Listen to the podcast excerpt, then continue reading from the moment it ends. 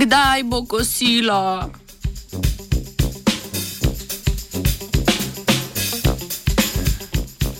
Dobro jutro. Današnje začenjamo z laboratorijskimi miškami. Za nekatere raziskave so še vedno nujne, ob tem pa se morajo zagotavljati čim boljši življenjski pogoji.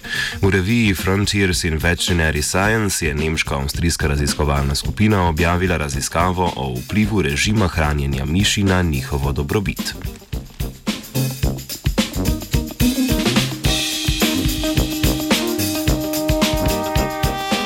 Zaradi raziskav na laboratorijskih živalih trpi njihova dobrobit, kar poskušajo omiliti s konceptom 3R: Replace, Reduce, Refine. Koncept torej zaobjema zamenjavo poskusov na laboratorijskih živalih z alternativnimi metodami in zmanjšanje števila laboratorijskih živali v raziskavah ter stremi k čim večjemu udobju laboratorijskih živali.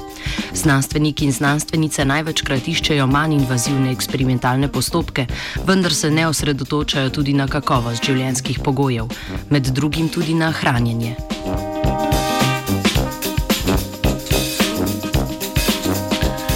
V večini laboratorijev po svetu miške hranijo po voli čez cel dan, kljub številnim dokaznim negativnim učinkom na zdravje, kot sta debelost in krajša življenjska doba.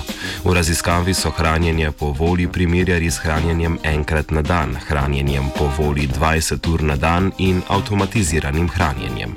Naprava za avtomatizirano hranjenje je miškam ponudila hrano šestkrat na dan.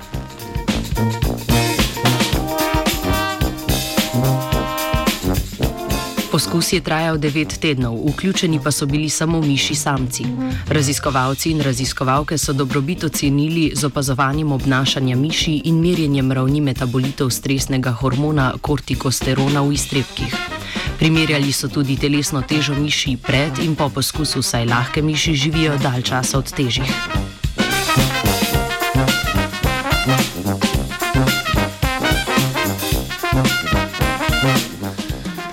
Miši, ki so imeli na voljo hrano 20 ur na dan, so vseeno pridobivali na teži, kar kaže na to, da restrikcija hrane za 4 ure na dan ne naredi velike razlike v primerjavi s hranjenjem po volji.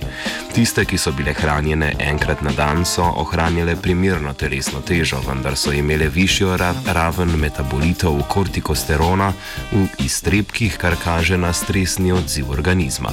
Ven vseeno pa te miši niso izražale stresnih vedenskih vzorcev. Skupina, ki je hrano dobivala šestkrat na dan, je ohranjala primerno telesno težo, ampak je kazala stresno obnašanje. Raven metabolitov kortikosterona je bila pri teh miših znatno višja kot pri drugih. V času poskusov so te miši razvile tudi stereotipije, ponavljajoča in nesmiselna dejanja, ki veliko krat odražajo notranji stres. Ker je stres pri tej skupini miši tako izražen, takšen režim hranjenja ni primerna alternativa hranjenju miši po volji.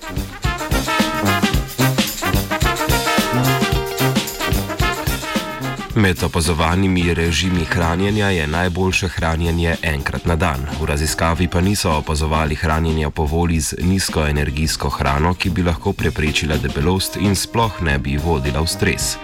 Zato bi na to temo lahko izvedli še več podobnih raziskav. Enkrat dnevno ne bi jedla živa. Three,